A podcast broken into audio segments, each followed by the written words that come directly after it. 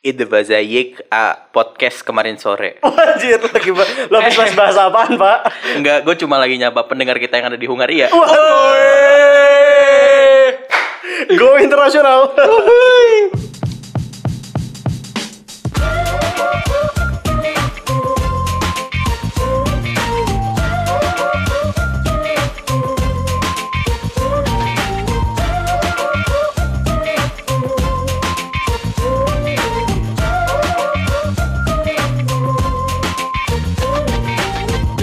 Mikado, Cie dua tiga Cerita tentang orang yang banyak uang Ya, Yuk, selamat datang kembali di podcast kemarin sore.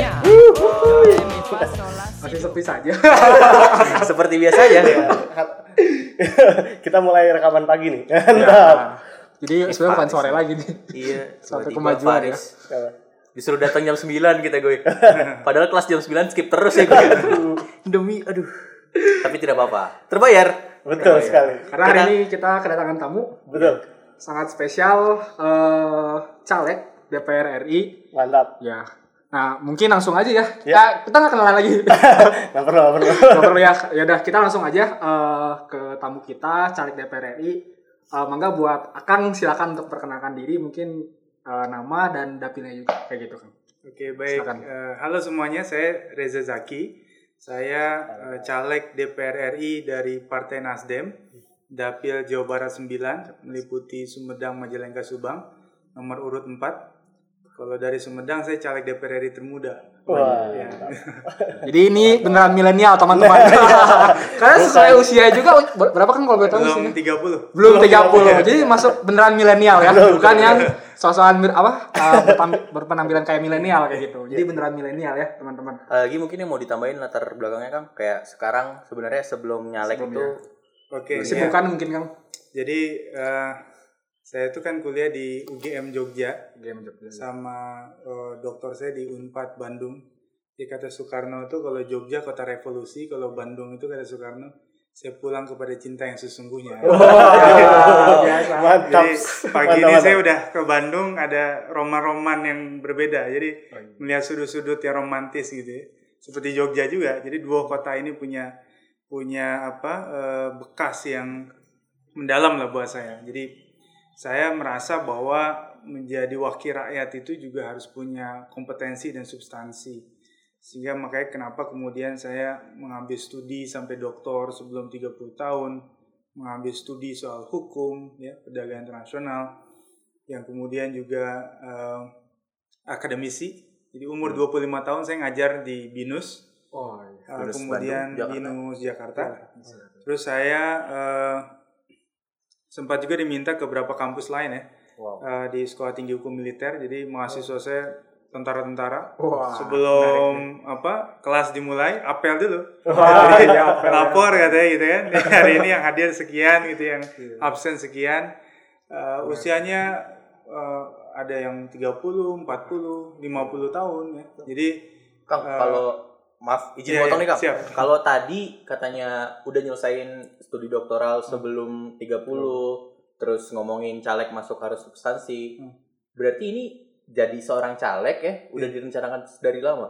Eh, enggak, sebenarnya saya itu dunia politik memang bukan satu hal yang baru. Karena memang kan saya dari sejak SD aja tuh udah jadi ketua pramuka. Oh, Ya, itu nggak tahu itu dianggap politis apa enggak. Tapi paling enggak gitu. leadership Iya, itu kemudian di, dipupuk sejak SD. SMA ketua OSIS, di kampus ketua senat mahasiswa UGM, sempat wakil presiden mahasiswa UGM, sempat di BEM SI, sempat di BEM ASEAN, koordinator eh, isu korupsi sama koordinator pusat. Nah, sempat jadi presiden partai mahasiswa. Jadi di UGM itu, Oh, iya. Kalau kontestasi pemilihan presiden mahasiswa itu kita punya waktu itu 8 partai mahasiswa. Oh, nah, saya salah satu megang partai namanya Future Leaders Party.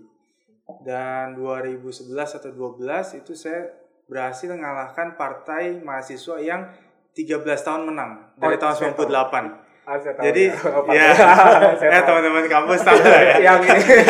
ya, boleh kan? Melingkar, melingkar, melingkar, Iya, iya, melingkar, melingkar. Dan Iya. eh, waktu itu ya rame ITB habis itu kemudian euforianya sampai kan ke Bandung. Cuma UI aja agak berat. Bisa mereplikasi di UGM waktu itu.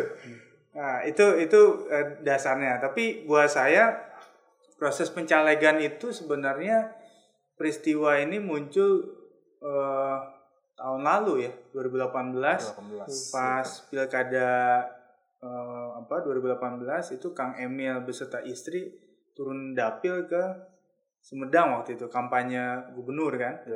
Nah, istri Kang Emil itu datang ke rumah saya di Ganea Sumedang, tempat di mana yayasan saya komunitas itu bernaung.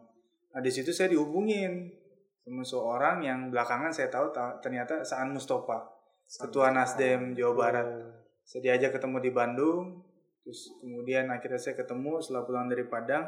Nah, di situ saya ditawarkan untuk ikut dalam kontestasi DPR RI karena 2017 sempat ada survei dan nama saya masuk. Terus ditawarin juga jadi ketua partai di Wah, Kabupaten wow. Sumedang. Awalnya saya nolak karena saya orang komunitas, saya takut ada afiliasi kan. Klasik jawabannya, tapi dia bilang Kang Emil tuh ternyata butuh partai politik. Tanpa partai politik mungkin dia nggak jadi calon gubernur. Hampir-hampir gagal waktu itu karena kurang koalisi kan. Iya benar. Akhirnya dia bilang ya Zak ini saatnya kamu pembuktian politik. Buat apa kamu kemudian eh, apa namanya berkubang di komunitas yang epicentrumnya gitu-gitu aja. Sementara kamu mungkin punya ambisi untuk melakukan atau memberikan dampak yang besar terhadap publik misalnya. Ya, politik itu bagi saya sebagai umat Islam, umat Muslim itu eh, rahmatan lil alam ini rahmat bagi semesta alam itu implementasinya adalah berpartai sebenarnya mengurus keumatan publik ya berpartai gitu salah satu filosofinya gitu Terus kalau tanggapannya ini deh Kang, maksudnya sekarang pasti salah satu yang dijual adalah muda dan Iya. profesor sebelum 30 gitu gak sih Kang? profesor Eh, dokter. Dokter, dokter. amin amin Amin, amin, amin, setahun ya amin, amin. Salah satu yang dijual itu gak?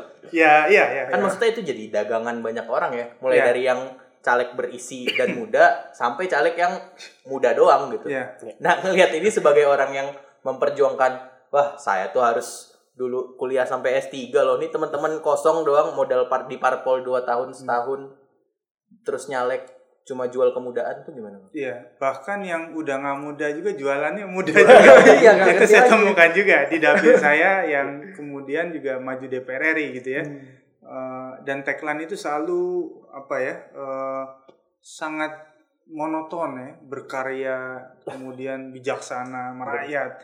Itu apa semacam kayak pengakuan yang yang dia ciptakan itu, bukan pengakuan publik.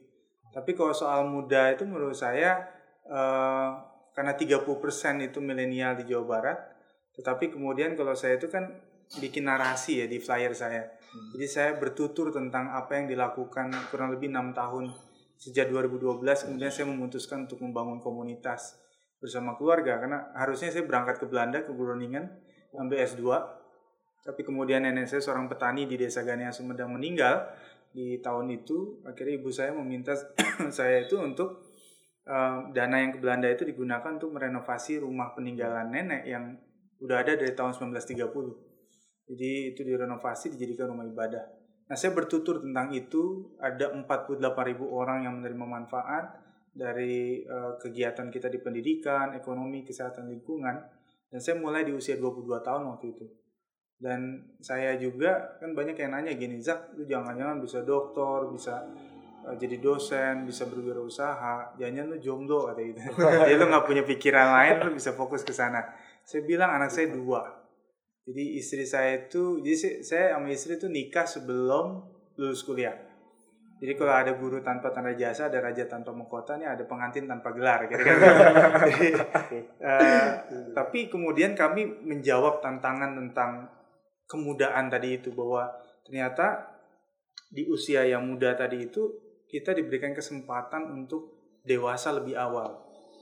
Istri saya itu eh, sama dari UGM akuntansi, kemudian malang melintang manajemen trainee di Coca-Cola, kemudian di Bank Indonesia sampai nolak Kementerian Luar Negeri, akhirnya jadi pejabat di Kementerian Keuangan, Inspektorat Jenderal, dan kemudian dapat beasiswa LPDP ke New York S2 ya sambil ngurus anak juga kita. Jadi artinya di usia kita belum 30 tahun kita udah dihadapi dengan segala macam hal itu yang mungkin di angkatan saya jarang-jarang. Jadi kalau nggak dia karirnya aja melesat tapi belum ngurus keluarga atau dia hanya ngurus keluarga tapi karir begitu-gitu aja. Nah, ini menurut saya se- semacam opportunity. Artinya ketika itu yang kemudian saya tuturkan ke publik, publik kemudian mulai menimbang-nimbang.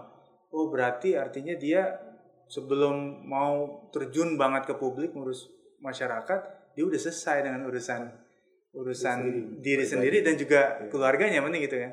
Artinya itu ujian mi- miniatur ujian yang kemudian kita eh, apa kita jalanin lah. balik Usia, lagi kang iya. maksudnya berarti yang lain nih yang jual kemudaan doang tanpa Hmm. narasi di belakangnya menurut kang tuh mereka belum selesai dengan dirinya Ya menurut saya eh, ada sebagian kecil dari mereka yang mungkin apa namanya eh, menjadi menjadi objek dari partai politik karena dianggap kuota yang kurang. Oh, iya. Apalagi perempuan yang 30% amanat undang-undang.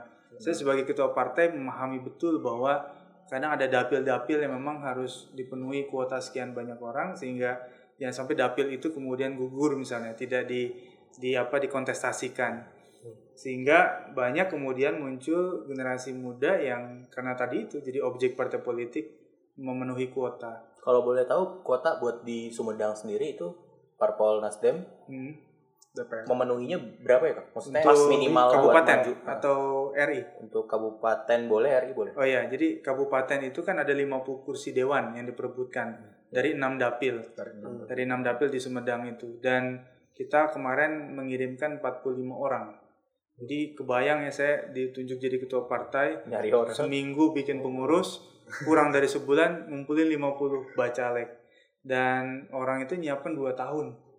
Jadi melakukan kaderisasi apa gitu ya. Saya kurang dari sebulan. Tapi yang bikin saya surprise adalah eh, saya tuh selalu pakai LPJ. Jadi saya nggak mau jadi ketua partai itu nggak punya apa evidence base gitu bahwa saya kerja politik tuh ini loh apa buktinya jadi saya laporan terus sama provinsi 38% kita perempuan artinya di atas dari amanat undang-undang 30 38% persen kita 30 perempuan ya. partai kita dan eh, lebih dari 50% kita anak muda. Ya ternyata ketika saya jadi ketua partai, kemudian masuk headline koran Sumedang Express, grup Jawa Pos.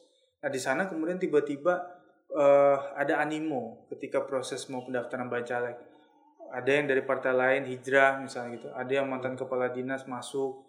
Eh, bahkan saya itu memimpin mantan bupati, orang yang ikut pilkada nyalon bupati, ada atlet para layang dunia, ada wakil ketua HIPMI, ada ketua senat mahasiswa. Itu berhimpun dalam kurun waktu yang sangat singkat. Sehingga kemudian saya sempat dapat bocoran-bocoran beberapa politisi senior partai politik lain sempat kepanasan. Karena kaget orang ini kenapa tiba-tiba ke Nasdem gitu kan. Dan menurut saya itu apa ya semacam keberuntungan dan bantuan menurut saya. Pertolongan yang diberikan kepada saya untuk bisa mengirimkan kontingen yang berkualitas gitu dengan waktu yang sangat terbatas waktu itu. kan tadi kalau Kang Zaki cerita itu pemimpin Nasdem Jawa Barat ya yang datang ke Kang terus nawarin buat Nelfon saya. Iya, Nah, nelfon. Tadi. Berarti sebelumnya nggak ada kepikiran ke Nasdem nih maupun ke parpol lainnya. Eh, Dan ketika ditawarin Nasdem itu sempat ntar dulu deh Pak, saya kalau PDI nawarin saya mau PDI aja misalnya gitu. Jadi, ya, kan? jadi saya saya sama PDI itu dekat sama Mas Budiman Sujatmiko. Oh iya. Uh, bahkan setelah saya jadi ketua Nasdem saya ditawarin ke PDIP. Waduh. Nah, PSI sebelumnya, PKB pernah juga. Jadi uh, waktu itu me- memang kalau saya boleh jujur saya dekat ke PDI dan Nasdem. Kalau ditanya gitu ya, kamu afiliasi ke mana ya? Saya merasa dekat dengan dua partai itu secara ideologi platform ya ideologi. mungkin nasionalismenya tebalnya di sana. Nah setelah kemudian lihat bagaimana tata kelola partai, Nasdem itu punya kampus, satu-satu partai politik yang punya kampus di daerah Pancoran. Dan saya udah sempat datang ke sana, itu dia namanya Akademi Bela Negara. Ada yang pendidikannya empat bulan, dia digaji juga tiap bulan. Ada yang pendidikannya seminggu untuk pengurus yang sibuk-sibuk gitu ya.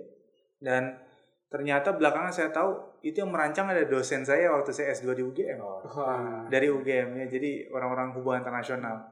Eh, sampai ke kurikulum sampai ke kampus dan seterusnya. Nah gubernur ABN nya itu ternyata eh, orang yang pernah ngajakin saya dulu masuk.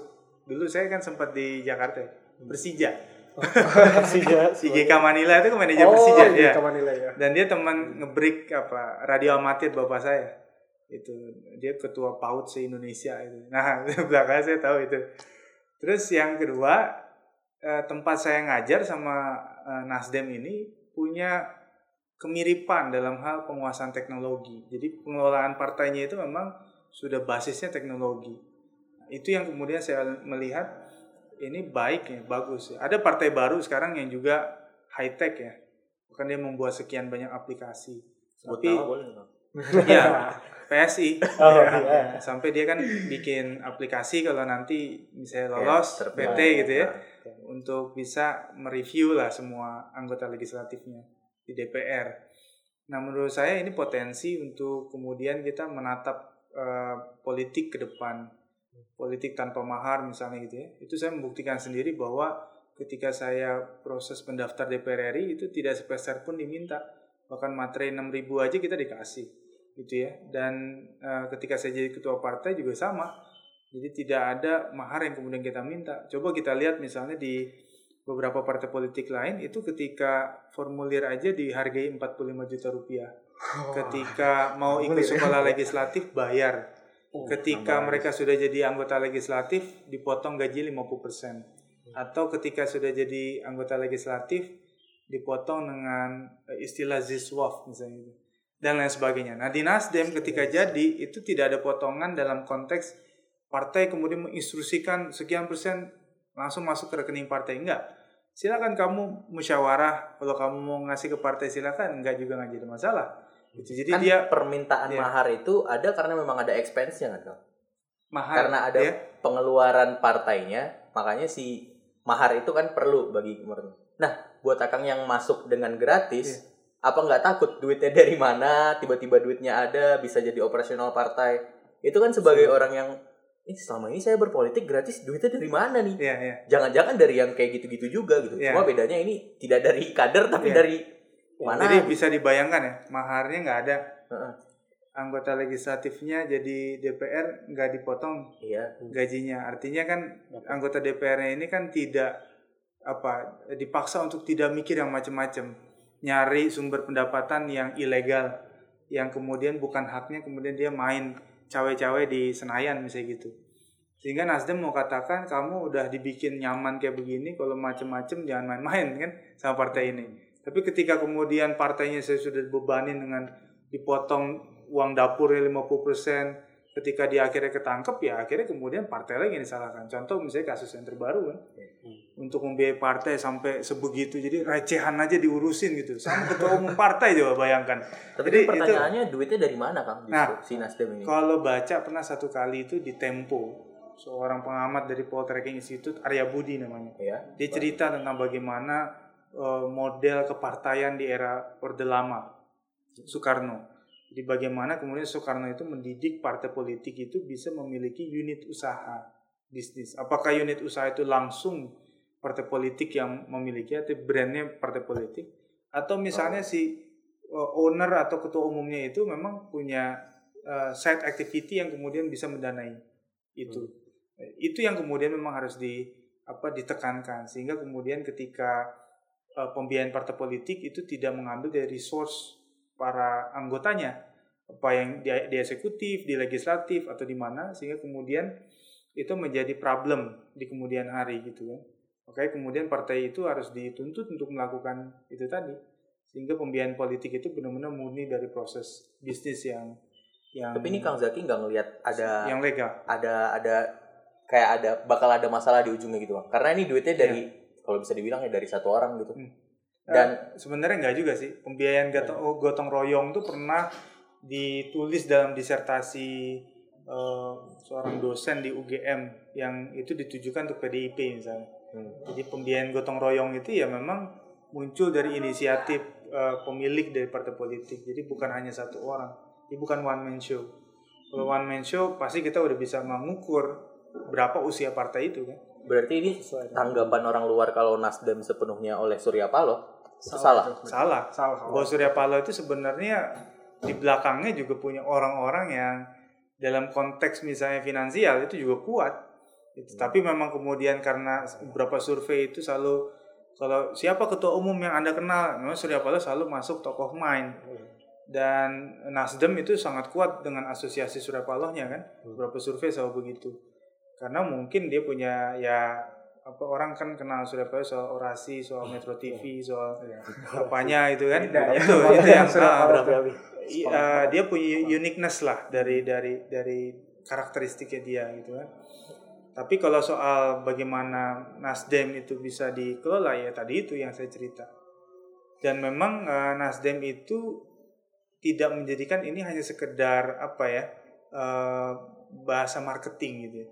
Seperti menolak dana aspirasi, menolak dana saksi misalnya di DPR itu ekstrim buat partai politik lain, terutama dana aspirasi.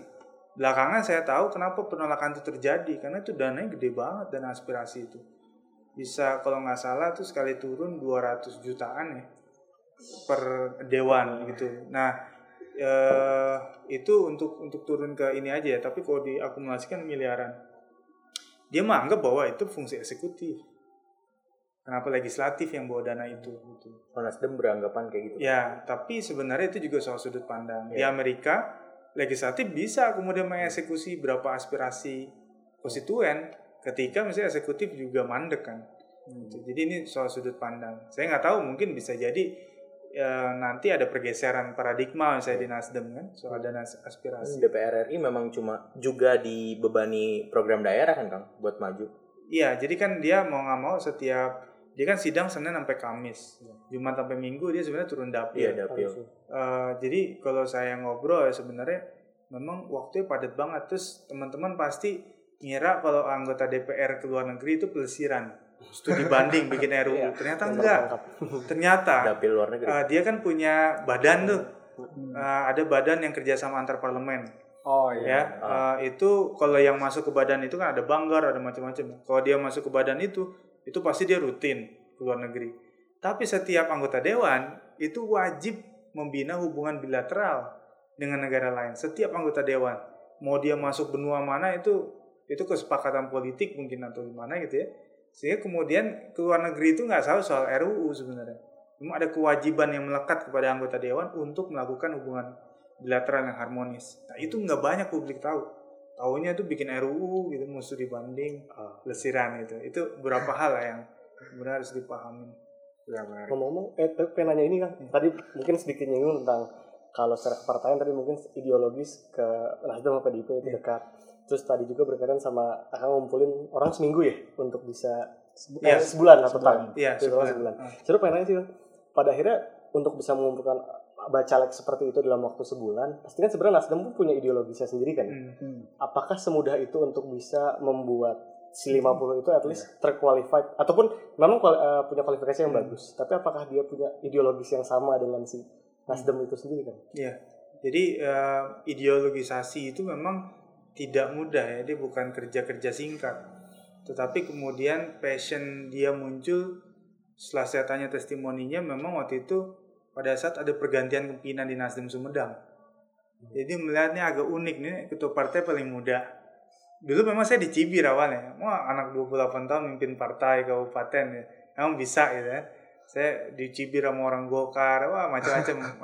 Dan akhirnya eh, kemudian saya mulai mencoba merumuskan. Tapi saya waktu itu benar-benar nggak ngerti dokumen partai ada di mana. Waktu itu kan ada transisi kepemimpinan. Terus eh, saya juga istilah-istilah kepartaian juga masih belum mafhum kan. Tapi saya coba tata itu bersama teman-teman pengurus yang saya sempat bongkar pasang tiga kali salah.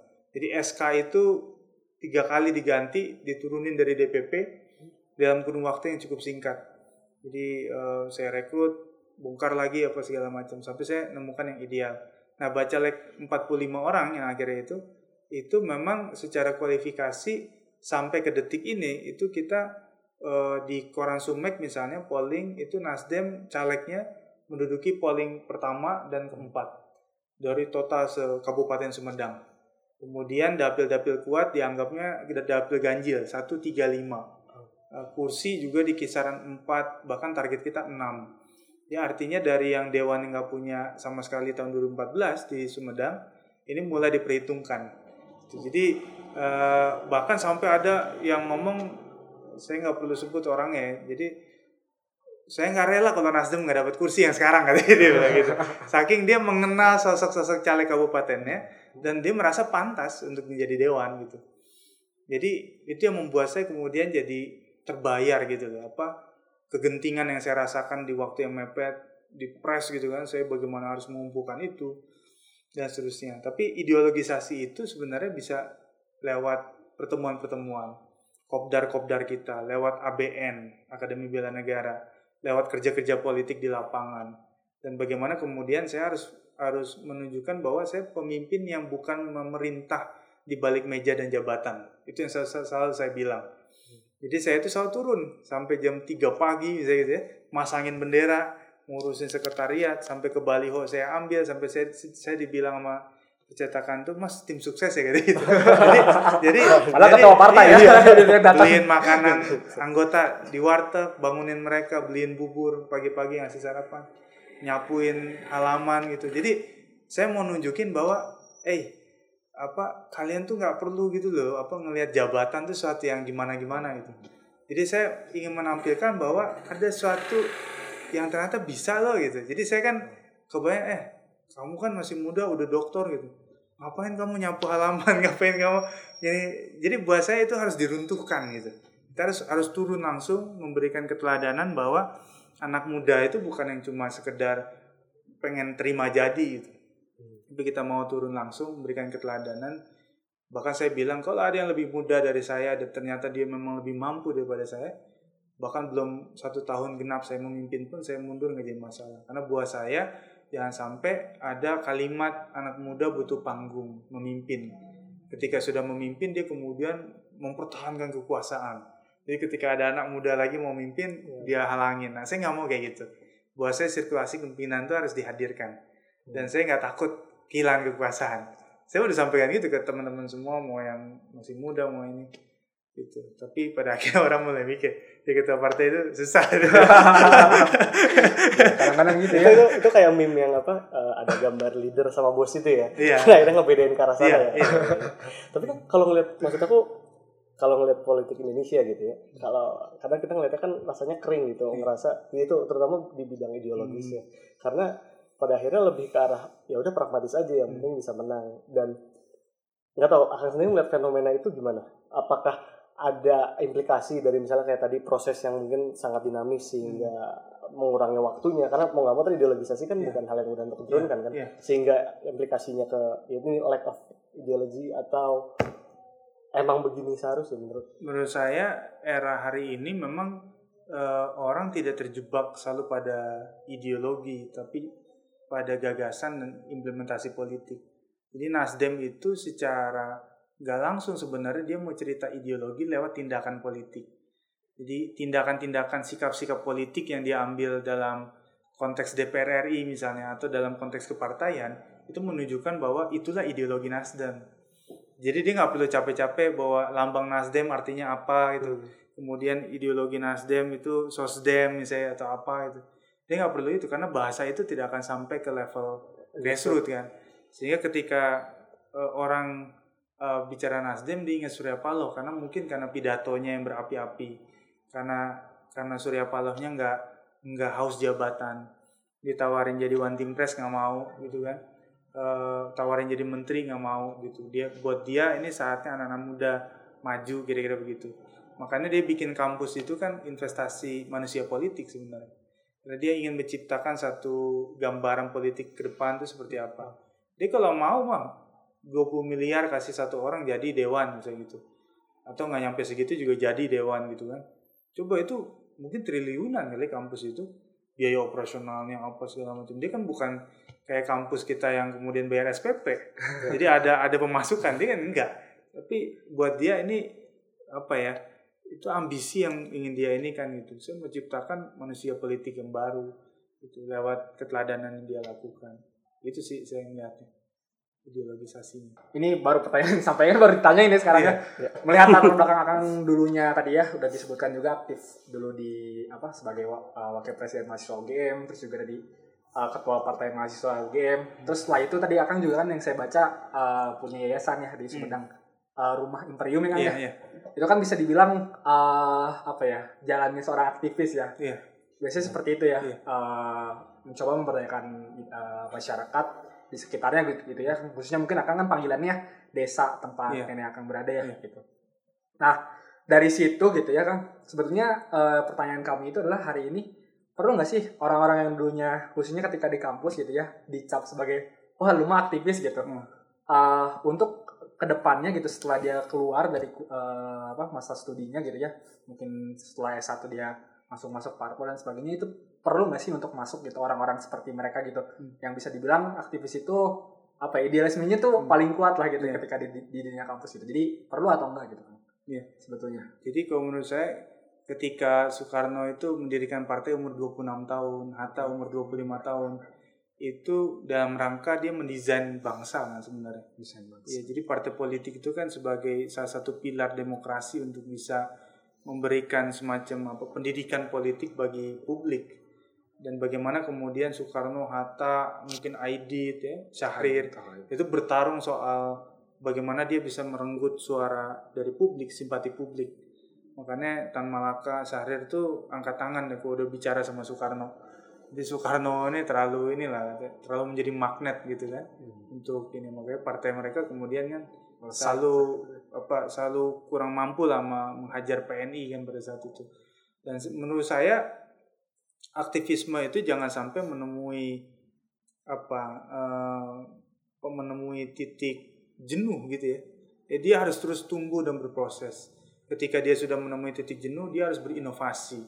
Karena kalau enggak kemudian bangsa ini kan kehilangan apa namanya eh, nyawanya. Karena kita itu yang kemudian bisa me- apa menghidupkan apa namanya eh, eh, proses berbangsa ini. Jadi kalau kita perhatikan misalnya ada aktivis yang dulu mungkin terkenal sekali, tapi ketika masuk ke realitas mulai berkeluarga hilang dari peredaran. Itu banyak saya temui dan mempertahankan itu nggak mudah memang. Pada akhirnya kemudian kita dihadapi oleh pilihan-pilihan yang lebih krusial misalnya. Itu yang domainnya privat sebenarnya, bukan publik. Nah, bagaimana kemudian kalau mereka-mereka ini yang berpotensi ini hilang dari dari apa dari kebutuhan bangsa. Akhirnya yang masuk itu ada orang-orang yang oportunis gitu ya. Yang kemudian hanya sekedar ingin jadi komisaris, hanya sekedar ingin jadi staf khusus menteri gitu ya, dan sebagainya dan dia tidak membawa pengetahuan. Dia hanya membawa ya, apa ya? eh, semacam apa? eh, ya suatu yang yang utopis gitu ya, suatu yang dia imajinasikan tapi sebenarnya itu nggak mungkin terjadi. Itu yang penting kemudian dia punya cara retorika yang bisa membius orang dan orangnya terbius, kemudian terjadi kong kali kong di sana, akhirnya terjadi kegagalan di depan. Nah, itu yang kem- kemudian harus kita hindari sebenarnya. Nah, makanya ketika orang-orang berkompeten itu masuk, menurut saya pas. Seperti di Singapura, orang-orang kalau mau masuk partai politik itu dia top 10 mahasiswa 10 besar di kampus-kampus. Jadi dia bilang partai politik tidak boleh diisi oleh orang-orang mediocre. Ya, orang-orang mediocre itu orang-orang yang nanggung gitu loh, bagus enggak, jelek juga enggak gitu. Nah itu Singapura. Sehingga dia bilang kalau ngurus negara itu harus orang-orang yang yang keren-keren, yang terbaik. Nah, masalahnya partai politik kita banyak, ya? Ya, negara banget. kita besar gitu kan. Jadi akhirnya terlalu banyak orang-orang asal-asalan yang kemudian masuk ke partai politik. Karena tidak ada seleksi yang ketat tadi itu kan. Saya ada pertanyaan juga.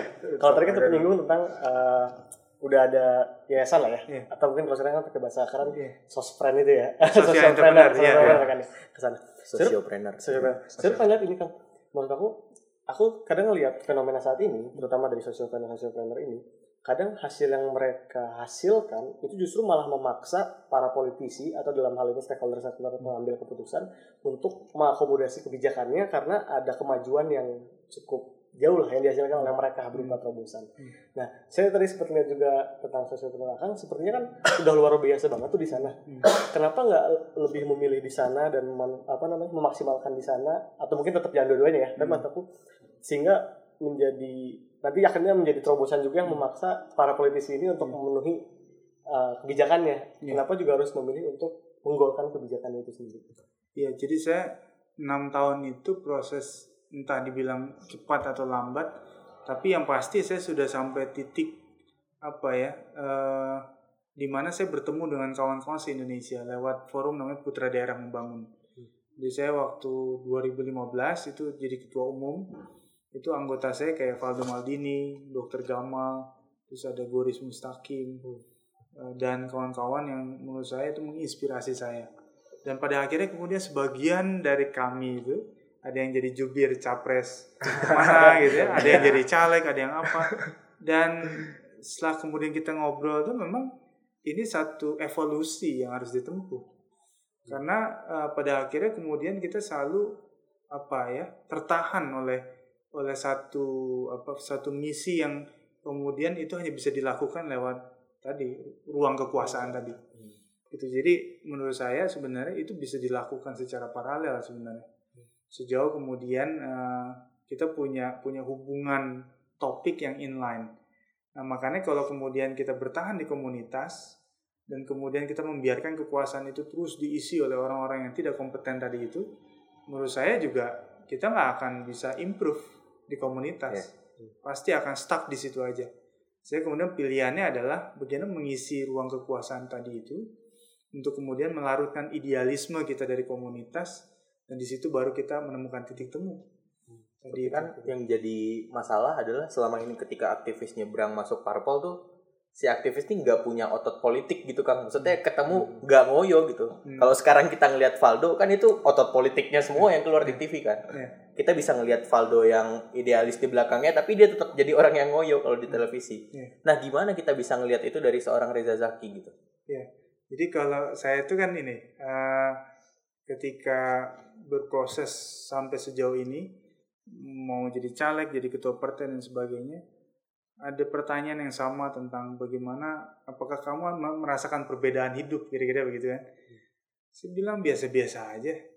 Saya dari dulu saya naik motor dari Jogja, bahkan waktu S2 saya ngambil diplomasi perdagangan dunia. Saya punya motor Indonesia, karena waktu itu kita kalau habis kelas tuh mencibir produk Indonesia, saya bilang ngapain saya ngambil diplomasi perdagangan dunia? Kok cuma bisa mencibir kan? Jadi saya ingat Samsung tahun 38 yang dibikin di pasar becek dan eh, dulu dihina-hina warga Korea Selatan, tapi akhirnya jadi produk yang hebat.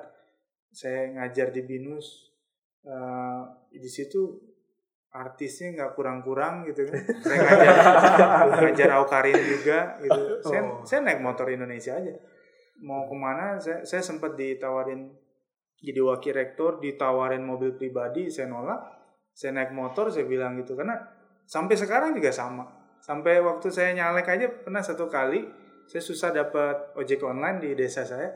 Sekali dapat ibu-ibu. Saya kasihan ngeliat ibu-ibu itu kan saya Ganti. yaudah saya yang bawain. Saya waktu itu bawa APK bawa kalender bawa apa. Sambil perjalanan ibu-ibu tanya mas apa ah caleg ya? katanya. Iya bu gitu kan. Terus ngobrol-ngobrol terus dia tahu saya ketua partai. Waduh saya ngerjain ketua partai nggak apa-apa bu. Nah, biasa aja terus akhirnya dia cerita ke tetangga-tetangga saya kemarin dapet ini penumpang caleg. Dia yang bawain buat saya itu biasa. Dan Iya, iya. dan itu bukan diada-ada karena memang dari dulu saya begitu.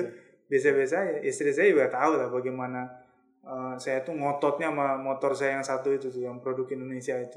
Sampai saya nulis di apa di blog bapak saya orang Kementerian Perindustrian disebar ke orang-orang Kementerian Perindustrian segala macam. Dan menurut saya yang penting adalah tidak merubah apa lifestyle. Itu yang penting. Ketika lifestyle kita bergeser nah itu udah udah pasti berubah tuh. Dia mau jadi nggak jadi politisi ya pasti akan berubah. Lifestyle itu yang kemudian menjadi Tuhan dari semuanya. Saya melihat Mas Budiman misalnya. Ya. ini bukan karena saya deket banget ya bukan. Tapi saya mau ngamati secara otentik dan diam-diam. Terakhir saya bawa ke Sumedang satu kali dia minta makan di tempatnya makan Sunda aja. Saya ajak aja yang tempat biasa saya sama orang tua. Tempatnya sederhana banget memang. Udah nyampe dia mau ngerokok. Dia nyari warung jalan kaki anggota DPR RI tiap malam ada di TV ya. Cari cari dia warung beli rokok. Dia nggak nyuruh siapa gitu. Tolong beliin saya rokok. Enggak saya lihat tasnya juga biasa aja. Celananya celana ban biasa aja. Terus sangat sederhana itu. Satu kali dia saya undang ke binus eh, satpam itu udah dikasih tahu ada anggota DPR mau ke binus. Sampai akhirnya udah lama nungguin satpam mas katanya ada anggota DPR mau ke sini. Itu baru pulang naik taksi. Wah itu anggota DPR ya? jadi jadi ya gitu. Menurut saya lifestyle yang kemudian itu bisa menjadi Tuhan yang eh, bisa membawa kita pada sesuatu yang benar atau menjerumuskan kita sehingga ya saya nggak bisa komen sahabat saya Valdo ya. Tapi menurut saya kita punya pilihan masing-masing. Eh, tapi buat saya saya harus menjaga itu. Sampai persoalan membalas SMS orang itu juga saya lakukan saya jaga. Karena saya mendapatkan satu apa pengalaman yang menurut saya emosional ya ketika proses pilek ini. Ada seorang ibu-ibu SMS saya bukan di WA ya biasa. Dan saya selalu membalas. Sampai kemudian akhirnya dia datang ke ini ke Ganeas tempat saya itu dengan nangis. Dia bilang dia cerita ke tetangganya bahwa saya SMS caleg dan dibalas dan tetangganya nggak ada yang percaya. Nggak mungkin caleg di SMS balas gitu dan dia buktikan saya akan ketemu caleg itu. Hari ini dia bilang gitu di Ganeas. Gitu. Dan di situ dia nangis sama segala macam. Dia bilang e, saya baru SMS aja tuh udah merasa terharu gitu bisa dibalas dan menurut saya politik cuma lima tahun dan silaturahmi itu panjang. Dan saya merawat silaturahmi itu. Gitu. luar biasa. Ini benar sesuai tagline ya. Energi baru untuk wakil rakyat gitu ya. tapi saya tertarik ya makanya saya tanya itu lewat WA kemarin kan. Maksudnya ketika saya baca saya sadar karena memang baru-baru ini kan ada yang eh, ada berita memang mengatakan eh, kinerja DPR RI yang periode yang terbaru ini 2014 sampai 2019 itu bisa dibilang terkata, eh, dikatakan terburuk gitu termasuk khususnya disorot itu masalah kinerja legislasinya nih kan Hmm, iya. kayak gitu Nah, pertanyaan pertama adalah benar nggak ada hubungannya antara uh, tagline itu gitu kan dengan kinerja DPR uh, saat ini yang bisa dikatakan terburuk, gitu. termasuk juga ternyata 80% nggak salah petahana itu nyalon lagi ya, Iya. anggota la- yang lama itu nyalon lagi gitu. Hmm. Terus kedua, nah tadi berhubungan dengan legislasi, akan sendiri nih uh, akan membawa apa nih? Hmm. Uh, entah nanti mau masuk komisi berapa atau mungkin ada undang-undang yang ingin diperjuangkan nggak kan kayak gitu? Iya. Dan efeknya apa dari undang-undang itu? saya nyari tagline itu memang agak panjang saya konsultasi sama istri Wah, ini cocok cocok nggak nih gitu apa eh, ketemu energi baru wa- wakil rakyat Eh, itu pertama muncul idenya bukan karena kinerja buruk Hmm. tapi karena eh, Nasdem di Sumedang belum punya dewan Oh, sehingga kemudian kita menawarkan sesuatu yang benar-benar baru gitu. Kita ingin menghadirkan eh, dewan-dewan yang kemudian bisa dipercaya menggendong aspirasi lima tahun ke depan. Nah yang kedua belakangan kan Formapi memberikan raport merah terhadap kinerja DPR 2014-2019 terburuk pasca reformasi. Jadi ini eh, juga menjadi PR memang orang itu terjebak pada dua dua hal ya. Jadi ketika legislasi rendah itu juga dikatakan terburuk. Tapi bisa jadi kalau orang di konstituen di dapil itu nggak butuh lu bikin undang-undang. Hmm. Yang penting lu jalan bolong di sini lu aspal deh gitu kan. Oh, gitu. Jadi iya. jadi sebenarnya dalam konteks DPR itu kadang kita terjebak pada dua hal tadi itu. Nah, saya mau bawa apa sebenarnya? Pertama, saya selalu cerita bahwa sebagai dosen hukum, saya kan nggak mau dong ngedongeng terus di kelas kan tentang hukum, Iya, jadi juru bicara buku gitu kan. Tapi saya juga mau cerita sesuatu yang empirik, bagaimana kemudian politik hukum itu bekerja di Senayan. Yang saya tahu kemudian politik perundang-undangan itu kan memang eh, ada satu ruangan PR di Senayan itu yang ikut mengontrol setiap perundingan pasal. Dan di sanalah kemudian kita sebut dengan transaksi. Bagaimana pasal diperjualbelikan khususnya. Nah, saya ingin kemudian em, masuk ke Komisi 6 karena itu bidang yang kemudian inline dengan keilmuan saya. Perdagangan, investasi, koperasi, UMKM gitu ya, industrian. Nah, saya fokus ada tiga RUU sebenarnya belum selesai. RUU BUMN, RUU kewirausahaan, sama RUU koperasi. Tiga itu yang kemudian menjadi urgent. RUU BUMN misalnya, ada dua isu yang paling melekat. Yang pertama adalah soal holding, yang kita pengen nengok soal Singapura itu, makanya dia bisa kemudian membukukan keuntungan yang signifikan. Sementara kita punya 150 sekian BUMN, tetapi banyak yang mati suri, dipaksakan tetap hidup, akhirnya disuplai oleh BUMN yang besar. Yang kedua, itu DPR memang sekarang ingin mengintervensi pemilihan direksi. Jadi di dalam kacamata check and balances, oke. Sama ketika kayak pemilihan pimpinan KPK, Panglima TNI, itu kan fit and proper test oleh DPR. Tetapi buat eksekutif hari ini, cukup Menteri BUMN lah. Itu karena dianggap ini kan bukan pimpinan lembaga negara. Dia kan di bawah dari kekuasaan menteri itu beda dengan milih pimpinan KPK, Panglima TNI, Kapolri itu kan beda. Nah, RU kewirausahaan ini kan memang kita masih di bawah 2% ya tingkat kewirausahaan kita secara kuantitatif. Tapi kalau ngomong startup, ITB ya atau misalnya bisnis ya itu atau Polban juga itu kan menyuplai begitu banyak eh, orang-orang yang kemudian ada di wilayah itu. Jadi kalau saya bilang kayaknya nggak 2%, mungkin di atas itu gitu. Tapi RU kewirausahaan inilah yang kemudian nanti akan ikut membantu apa ya eh, kebingungan pemerintah dalam konteks lapangan pekerjaan. Ditambah lagi kan kita ini kan eh, manusia udah mulai terancam tereliminasi oleh robot dengan perkembangan industri 4.0 yang sekarang 5.0 udah mulai didiskusikan itu kan. Yang terakhir koperasi. Menurut saya koperasi ini kan sudah dianggap ortodoks dan kuno gitu ya. Bener. Sementara eh, Real Madrid, Barcelona itu badan Koperasi. hukumnya koperasi. Sehingga eh, kita bisa melihat bagaimana ini soal manajerial sebenarnya, bukan persoalan naming koperasi atau enggak koperasi gitu. Jadi bisa juga dia tetap pengelolaannya itu seperti ko apa eh, apa korporasi gitu ya. Jadi di situlah kemudian bagaimana kita me- apa ya, memberikan treatment terhadap tadi itu. Nah itu tiga sih menurut saya yang yang urgent juga untuk di diseriusi di komisi Si 6. tiga tadi itu selama ini coba dijual ke mana sih Kang? Kayaknya kalau turun ke grassroots nggak akan ada yang mau denger kalau ngomongin kayak gitu. Iya, jadi ini memang diskusinya harus dipisahkan ya. Kalau ngomong soal RUU itu bagi orang yang pertama dia bertanya tentang apa sih konsep. Oh. Jadi sering ada kritikan eh, dari pengamat biasa di daerah itu ya. Kenapa kita itu kalau melihat pileg ini cuma dihadirkan dengan foto, lambang partai, nama dan nomor urut gitu. Kita nggak pernah lihat gagasan dia. Ak- akhirnya mungkin ada yang tersinggung, akhirnya dia keluarkan lah di status Facebook. Yang dia keluarkan apa? Fungsi DPR adalah gitu. Itu gagasan menurut dia. Jadi wadidaw. jadi, jadi menurut saya ini udah parah betul menurut saya. Jadi makanya eh, dalam konteks daerah-daerah yang memang ada gap, pasti bahasa saya tidak akan masuk kan. Dia nggak ngerti BUMN apaan gitu kan. Koperasi dia tahu gitu kan, karena tiap desa itu kan ada gedung koperasi kira-kira gitu. Yang kosong bisa buat uji nyali gitu kan. Nah, apalagi dia ngomong soal kewirausahaan kan jauh banget gitu. Yang dia tahu dia daftar ke Katex gitu kan ke pabrik jadi punya seragam jadi buruh udah dia taunya itu doang nggak ngerti kewirausahaan nah di grassroots itu ya ngomongnya paling sesuatu yang se- sederhana sekali kita bicaranya tentang hal-hal yang dekat dengan dia gitu ya. Kalau misalnya karena saya juga apa eh, Nasdem itu dekat dengan petahana misalnya gitu ya. Jadi bicara soal program misalnya kartu Indonesia Sehat Indonesia Pintar PKH gitu ya. Itu yang kemudian memang mereka rasakan langsung gitu. Infrastruktur dan seterusnya. Nah, mereka baru nyambung kalau udah bicara soal itu. Tapi kita nggak bicara soal janji. Kan menurut saya itu juga tidak masuk dalam konten edukasi politik.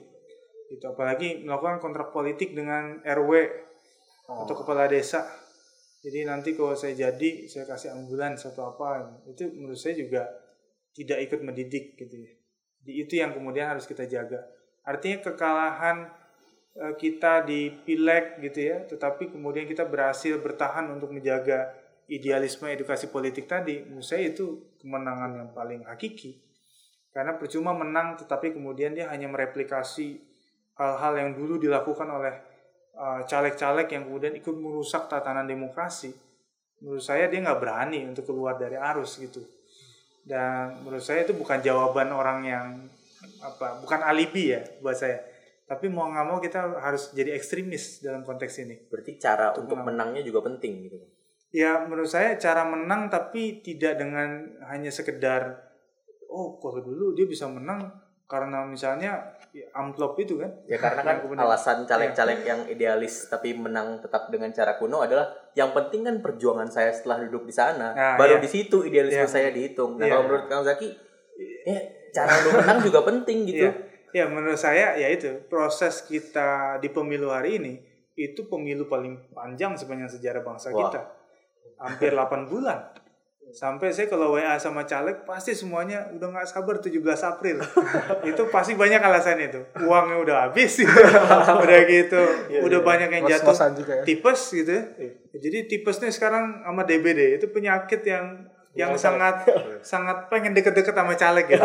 Karena semalam juga saya baru baru ketemu sama apa eh, salah satu staff caleg yang kebetulan artis gitu ya.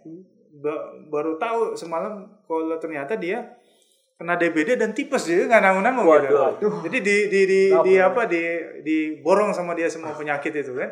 Tapi Instagramnya tetap jalan karena stoknya memang ada gitu ya. yang diposting gitu kan. Makanya saya tanya kok Instagramnya ya itu stok katanya. jadi, jadi ternyata kan dia kena itu. Saya juga kena tipes. Saya tanya siapa lagi kena juga tipes. Kata saya ini banget kata saya kan. Jadi bagaimana pemilu tahun ini itu penyakit kanker kantong kering ada, gitu. tipes ada dan lain sebagainya. Dan eh, apa eh, ini juga harus di- dipahami bahwa apa eh, proses ini sebenarnya proses kita untuk kemudian menata kembali sistem politik kita. Kenapa? Karena kita kalau ngomong partai politik tuh udah nggak lama lagi. 10 tahun lagi, mungkin 15 tahun lagi udah nggak ada mungkin. Semua akan tergantikan dengan big data. Ya, orang kalau mau ikut kontestasi politik udah punya big data beres semua. Pilkada Jakarta itu sebenarnya kemenangan dari big data. Kalau kita tahu ya, gitu. Jadi bagaimana dia campaign itu nggak perlu kayak saya gambling gitu. Eh ini hujan apa enggak ntar sore enggak. Dia akan tahu kalau mau kampanye itu di jam sekian. Itu nanti akan ada berapa puluh ribu orang berkumpul di titik mana gitu kan. Nah big data itu kan memudahkan sebenarnya. Dan dia udah nggak butuh lagi partai politik karena semua desain itu udah diatur di dalam sana. Nah, makanya mumpung masih apa masih diberikan kesempatan hidup partai politik itu ya cobalah manfaatkan untuk bisa menata kembali gitu. Tobatan nasuha itu dari sekarang partai politik itu. Dan ini periode penting ya 2019 ini karena 2024 ini akan menjadi menarik sebenarnya lahirnya pemimpin-pemimpin baru ya eh, yang kemudian nanti akan memberikan peta politik baru kepada bangsa kita. Kalau bahasa saya kalau mau 2024 itu menarik yang Jokowi harus Iya, menang harus sekarang. menang. Kalau enggak Kalau bisa Prabowo dimenang. Saya udah tahu kalau Prabowo maju lagi, ah, Sandiaga Uno. Nggak seru banget ya. Pindah pilpres mau? jangan jangan jangan jangan. Enggak, yang mau gue tanya adalah kan Kang Reza eh, ketua cabang ya Kang? apa? Iya, Kabupaten. Kabupaten. Iya. Partai kok- Otomatis mau nggak mau jualan pilpres dong. Selama ini keluhan teman-teman eh, caleg adalah kebanyakan jualan kandidat presiden susah ngejual diri gitu. Iya. Kalau udah mulai ngomongin diri, orang udah mulai cabut Iya. gitu. Benar. Jadi kadang ada daerah yang neraka ya buat caleg karena ketika dia ada di dapil itu ternyata nggak cocok antara eh, Oh, partai dengan capresnya atau dengan dirinya dengan eh, capresnya. Saya kemudian akhirnya capresnya mendingan gak usah kita jual deh.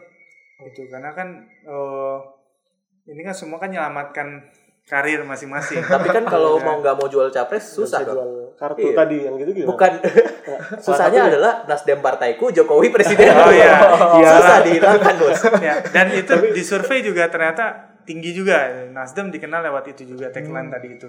Tapi eh, menurut saya eh, ketika proses yang kemudian berlangsung sekarang di Jawa Barat, ketika posisi Pak Jokowi sudah mulai mendekati apa 50 lebih di Jawa Barat, ada empat daerah yang memang kalah Pak Jokowi di situ. Itu menunjukkan memang ternyata eh, campaign eh, kepala daerah maupun eh, caleg itu bekerja berarti kan. Jadi Jawa Barat kan kalahnya lumayan telak Pak Ya, Jokowi kan 60. 2014 itu. 40. Eh, Oh, 60. jadi eh, kita melihat bahwa posisi pergeseran hari ini itu menunjukkan bahwa kerja politik caleg juga berjalan gitu. Dan menurut saya juga apa namanya problem-problem itu memang ditemui ya, misalnya di Sumatera Barat, Ya, iya. ya eh, di Yang Jawa Barat jelas. gitu kan, atau misalnya di daerah yang di mana Prabowo-nya nggak laku atau gimana, itu ya menurut saya biasa, klasik gitu ya. Tetapi ternyata di level grassroots itu mereka secara diam-diam bekerja. Jadi memang dia tidak berupaya untuk show off karena itu akan berbahaya. Ada misalnya ibu-ibu pengajian, saya nggak mungkin cerita soal Pak Jokowi karena ustadz saya ini Prabowo Iya. gitu. Nggak enak dong di pengajian. Tapi di luar pengajian mereka jadi marketer yang luar biasa gitu. Nah itu hal-hal itu terjadi gitu. Jadi politik senyap yang kemudian Gerilya. Waduh, Waduh. gitu ya. Perang berarti ini ya. jalan gitu ya. Dan menurut saya em, ini konsekuensi pilpres pileg dibarengin untuk pertama di Indonesia. Sebagai caleg lagi ya. iya sebagai caleg. Apalagi DPR RI ya kan? Hmm. merasa berat ya. Apalagi bukan hanya menjual Pak Jokowi tapi harus Menjual menjual ya. partainya juga dan bawah-bawahnya juga gitu. Ya, saya memang selalu eh kadang-kadang cerita ya eh, bagaimana saya menjalani profesi yang sekarang ini berat sekali sebagai caleg DPR RI dan saya sebagai ketua partai ngurusin eh, caleg kabupaten yang 40-an itu belum ngurusin soal dinamika partai belum saya jadi pimpinan TKD-nya Jokowi Maruf di kabupaten oh gitu. Jadi eh, itu semua benar-benar harus dilakukan gitu kan. Tetapi eh, sampai sejauh ini saya mengukur dan hasil survei juga menunjukkan misalnya Desember 2018 itu Carta Politika mengumumkan misalnya di survei internal kita eh, Nasdem yang di dapil saya itu partai saya Sumedang itu ada di peringkat pertama dari Subang Majalengka. Di dari tiga kabupaten itu. Gokil Jadi Nasdem kerja- di Jawa Barat. kerja kerja enam bulan ya enam bulan lah waktu itu saya apa Iya. lima bulan. Itu ternyata ada hasil gitu. Itu yang kemudian mengobati. Jokowi itu dari tiga kabupaten itu di Sumedang yang paling susah untuk menang. Tapi akhirnya belakangan dia mulai menang tapi tipis saya juga merasa bahwa berarti kerja saya di pimpinan TKD juga berhasil gitu. Jadi itu sih yang kemudian saya lihat. Sama kayak pilkada kemarin gubernur misalnya. Tapi yang di pilkada kabupaten memang saya bukan di kelompok yang kemudian jadi pemenang bupati wakil bupati. Tapi saya ada di peringkat kedua. Tapi yang saya dukung itu paslon independen. Wow. Oh, ini. Bu Zainal Alimin Asep Kurnia. Jadi waktu itu awalnya ada beberapa partai. Itu kemudian pada migrasi sisanya cuma Nasdem. Dan tidak pernah ada sejarah paslon independen itu eh, ada di peringkat kayak begitu peringkat dua lagi.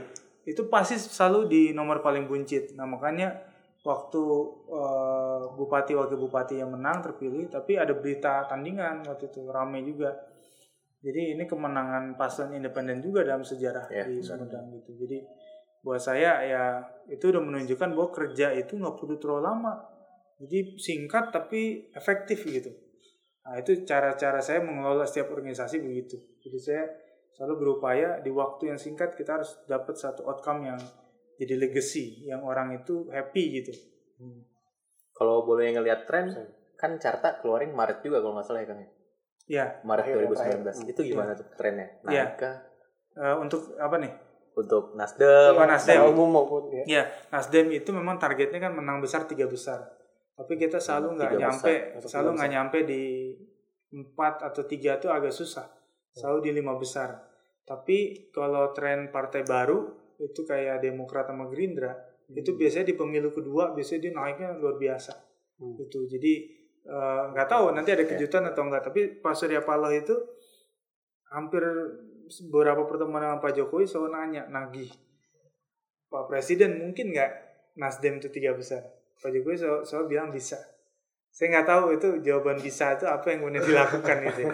So, Jadi apa? eh, tapi ya saya melihatnya tren itu terus naik ya. Karena kan kita mencoba menjauhi angka 4% itu kan. Iya.